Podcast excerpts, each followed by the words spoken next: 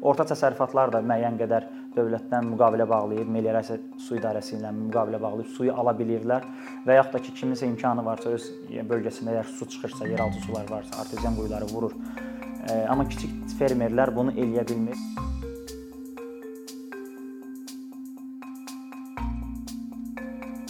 Azərbaycanda e, kənd təsərrüfatında suvarma suyunun səmərəli istifadəsi e, dedikdə əsasən bu içməli sulardan istifadə nəzərdə tutulur. Çünki bildiyimiz kimi kənd təsərrüfatında torpaqlara lazım olan əsas yəni elementlərdən biri iqlim şərtlərindən yanaşı, həmçində suvarma suyudur və bu da içməli su, yəni suyun tərkibinə görə içməli su olmalıdır ki, bitki onu mənimsəyə bilsin.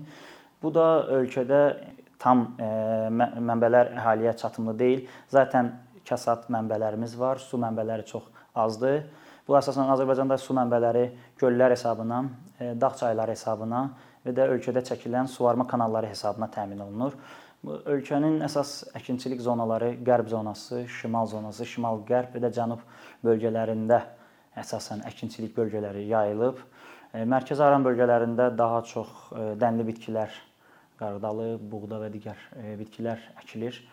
E, bu da orada isə əsas problem suyun, yəni çatdırılmasıdır. Bu Sovet hökumətindən e, qalan su mənbələri hesabına təmin olunur. İndi yeni su anbarları, Taxta körpüdə su anbarı tikildi. Sonra Şəmkir tərəflərdə e, yeni su anbarları istifadəyə verildi. Bunlarla qismən e, ölkədə su mənbələrinin e, fermerlərə əl çatımlılığı yaratdı və bütün bunlar həmçinin dünyada gedən ərzaq məsələləri Azərbaycanda da əhalinin, fermerləri, bu işlə sahə ilə məşğul olan fermerləri ənənəvi və qeyri-ənənəvi Azərbaycanda indiyə qədər əkilməyən bitki meyvələri, bitkilərin əkilməsini təşviq eləyir.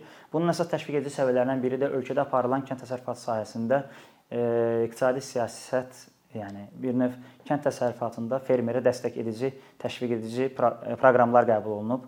Bunların ən əsas vacib elementləri kənd təsərrüfatı texnikası, suvarma sistemləri və e, kənd təsərrüfatı məhsullarının, yəni deyək, xam malını ölkəyə gətirdikdə gömrükdən tamamilə ədəbiyyatdan azad olunması 0. Demək olar ki, 0.5 bəzən isə 0 e, faizlə toxumlar 0 faizlə gəlir ölkəyə ədəbiyyatdan azaddır.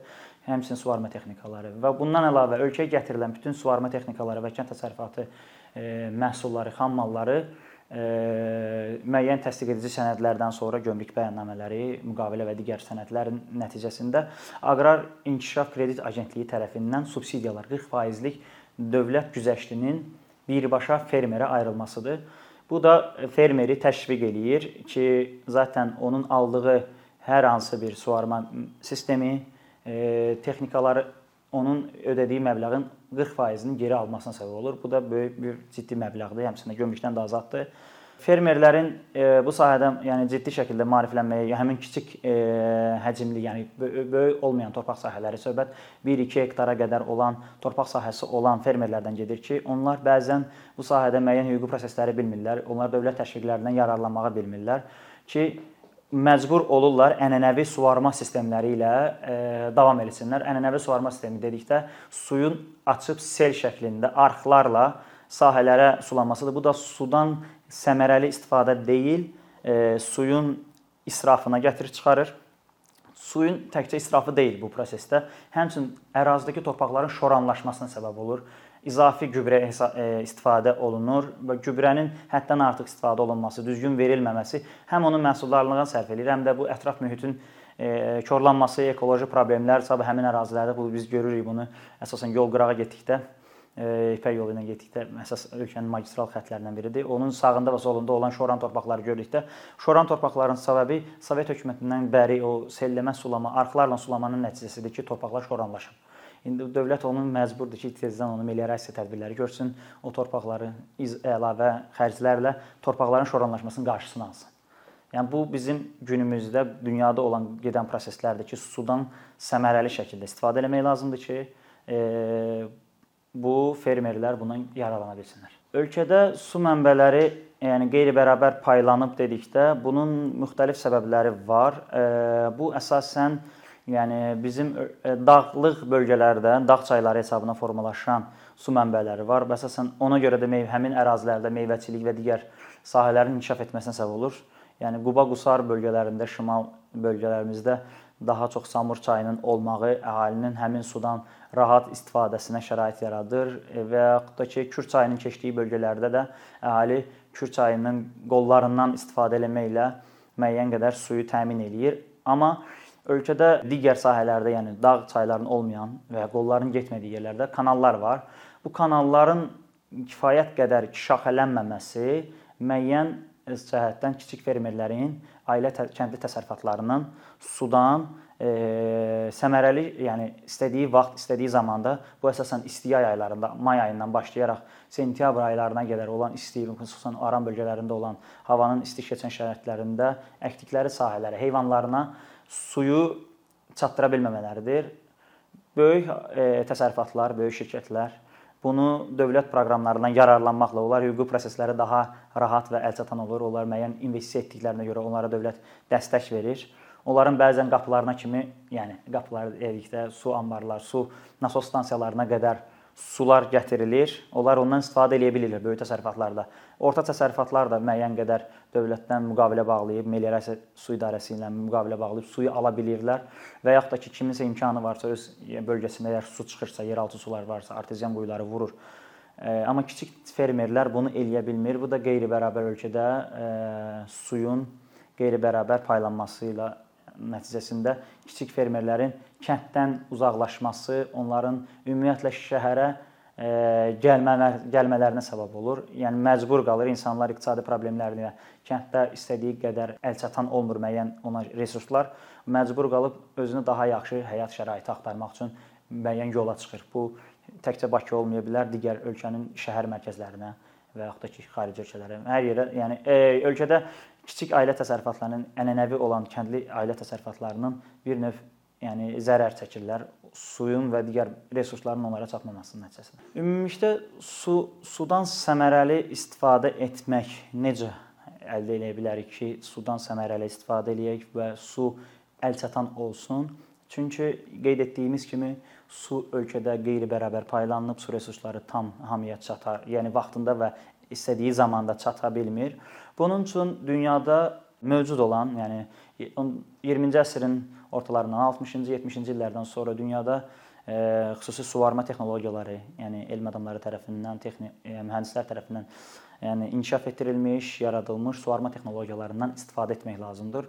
Bunlar müxtəlif bitkilərə və əkin növlərinə görə fərqlənir. Bunlar böyük əkin sahələrində pivot suvarma sistemləri, çiləmə, yağmurlama sistemləri, Bunların sayəsində bir növ e, suyu e, birbaşa torpağa, yəni çatdırmaq mümkündür və hətta müəyyən hissədə, yəni su nasosların olduğu bölgədə suyu rezerv edib, su, yəni müəyyən dövlətdən və yaxud da ki, hardansa alınırsa su, o suyu rezerv eləyib istədiyi miqdarda, istədiyi kimi, yəni arxlarla və sellərlə şəklində deyil, müəyyən sistem üzərindən borularla birbaşa bitkiyə çatdırmaq mümkündür. Bunların ən öndə gələn sistemi, yəni suyun demək olar ki, itkiyə getmədən istifadə olunan sistemi damcı sulama sistemləridir. Bunu avtomatik və ya manual olaraq idarə etməyə bağlamaq olar hətta. Yəni son dövrlərdə inkişaf etdirilmiş texnologiyalar imkan verir ki, damcı sulama sistemlərini hətta bizim gündəlik istifadə etdiyimiz planşet və ya mobil telefonlara bağlayıb, yəni onlara, yəni böyük təsərrüfatı yəni bir nöqtədən, hətta ölkə xaricindən olmaqla belə sim kartlar, yəni avadanlığın üzərinə sim kartlar taxılır, sən ona IP üzərindən bağlanılıb, tele, mobil telefondakı olan proqram təminatı ilə ərazidəki suyu müxtəlif sahələrə bölüb gün ərzində bütün suyu sahəyə çatdırmaq mümkündür. Hətta suyun e, hansı zamanda, hansı miqdarda verməyi müəyyən etmək olur. Eyni zamanda torpağın analizlərini, yəni torpağın müəyyən nəm sensorları taxmaqla müəyyən nöqtələrə torpağın 30 sm, 60 sm və 90 sm-də su varmı, yoxmu? Onlardan sensorlardan alan məlumata görə mərkəzi stansiyaya məlumat ötürmək mümkündür və mərkəzi stansiya Yəni ehtiyac varsa suyu verir, ehtiyac yoxdursa suyu vermir ümumiyyətlə. Torpaq üzdən quru görünə bilər, amma alt səthlər 30 sm, 60 sm, 90 sm-də müəyyən nəmişlik ola bilər. Bitki oradan öz qidasını, suyu ala bilir. Həmçinin damcı sulama sistemləri, pivot sistemləri e, mərkəzi stansiyadan verildiyi üçün e, həmin əraziyə düzgün şəkildə gübrələməni, yəni həddən artıq izafi gübrələmə, yəni gübrələrin çox istifadə eləməsi heç də yaxşı şey deyil. Yəni gübrə bitkiyə qida olaraq verilir. Bitki də bir canlıdır, bioloji prosesdir. İnsan nə cür ki gün ərzində normada qidalanırsa, bitki də gübrəni o şəkildə almalıdır. Yoxsa ki 1 aylıq normanı bir gündə bəzi sahələrdə, ənənəvi sahələrdə selləmə sulamada 1 aylıq normanı bəzən 1 gündə, 2 gün ərzində sahələrə verilir ki, çünki o suyu verə bilməyəcək. Gübrəni verir, üzərindən suyu verməklə su, gübrəni əritməyə və həll etməyə çalışır ki, bu 1 aylıq normadır. Yəni insan 1 aylıq normanı bir gündə qəbul eləyəcəyi təqdirdə necə olacaqsa, bitki də həmin olur. Bitki və torpaq. Bu ətraf mühitin komple qorunması deməkdir. Yəni damlama sulama sistemləri ilə az miqdarda 1 ay ərzində suyu vermək və suyu ilə birlikdə gübrə və digər e, makro mikro elementləri bitkiyə və torpağa vermək. Bununla da biz həm ətraf mühiti qorumuş oluruq, həm su sistem, su mənbələrini qorumuş oluruq. Dünyada gedən proseslər göstərir ki, iqlim dəyişiklikləri və digər proseslər, qlobal yəni proseslər onu göstərir ki, getdikcə dünyada su resursları tükənmək üzrədir. Şir. Yəni sudan səmərəli istifadə, yəni beynəlxalq təcrübədə mən ən çox İsraildə görmüşəm. Onlar hətta dəniz suyunu artmaqla onu texniki suya çevirir. Yəni bitkinin mənimsəyə biləcəyi miqdara gətirə bilir və onu dəniz sularından və digər duzlu sulardan bitkiyə verə bilir. Amma bizdə hələ ki o sistemlər tam inkişaf eləməyib. Düzdür, bizdə Xəzər dənizi də göldür. Mən tərəfdarı deyiləm əslində Xəzər dənizinin suyunun, yəni Bakı və Abşeron yarımadasının istifadə olunmasına, çünki onda başqa digər problem Xəzərin quruması və digər məsələlərə səbəb olar. Biz onu yağış suları və digər mənbələrdən də yəni əldə edə bilərik. Yəni mümkün vasitələrlə sudan səmərəli istifadə etməklə təşkil eləmək olar. Bu sahədə yəni hesab edirəm ki, ictimai təşkilatlar və yaxud da ki, müəyyən kommersiya, qeyri-kommersiya təşkilatları bu sahədə e, müəyyən işlər görməlidir. Sudan səmərəli istifadə məsələləri dedikdə, yəni təkcə suyun damcı sulama və yaxud da ki, digər texnoloji vasitələrlə, yəni istifadə gözəl şeylərdir. Bundan əlavə su resursları dediyimiz kimi e, qısıtlıdırsa, onları bir yəni hamının özünün nasos stansiyasını qurmağı və yaxud da hamının öz rezervuarını qoymağı bu həddən artıq sudan düzgün istifadə etməməyə də gətirib çıxara bilər. Məsələn, bu əsasən həm də e, ciddi maddi resurs tələb eləyir. E, bir neçə e, kəndlərdə e, bu ənənəvi əkin sahələri var. Bu sahələr e, bununla e, kəndlər, bu icmalar bununla məşğuldurlar və onların ənənəvi olaraq əkdiyi sahələr var. Və bu əklik sahələri suvarmaq üçün hər birinin maddi imkanları çatmır nasos stansiyalarının qurulmasına. Bunun səmərəli həll yolu dünyada beynəlxalq təcrübədə məsələn İsraildə momoşavlar var. Yəni bir növ kəndli kooperativləridir. Müəyyən təşkilat, hüquqi təşkilat şəklində, kooperativ şəklində qurulur. Azərbaycanda qanunvericilik buna imkan verir ki, bir qrup kooperativ şəklində birləşir. Hər kəsən öz əlində olan resurslarını bir müəssisədə cəmləyir hər e, və bu cəmlənmiş resurslarla bərabər paylanmaq və ya birgə istifadəyə şərait yaradır. Əgər birgə istifadə şərtləri səmərəli və ya uyğun deyilsə, hər kəsən öz texnikasını işləmək istəyirsə, o da mümkündür. Sadəcə suyu ən azından, yəni bir nöqtəyə bağlamaq olar. Ən azından bütün hamı kooperativ şəklində bir nöqtədən suyu nasos stansiya qurulmaq olar heç kim öz nasos stansiyasını qurmağına ehtiyac yoxdur. Su bir nöqtəyə toplanır. Ondan sonra böyük təşviqlər və digər dövlət proqramlarından da istifadəyə yararlanmaq olar, çünki həcm böyükdür. Dövlət məcbur olacaq həmin sahələrə suyu verməyə. Çünki burada bir nəfər deyil, söhbət icmadan gedir.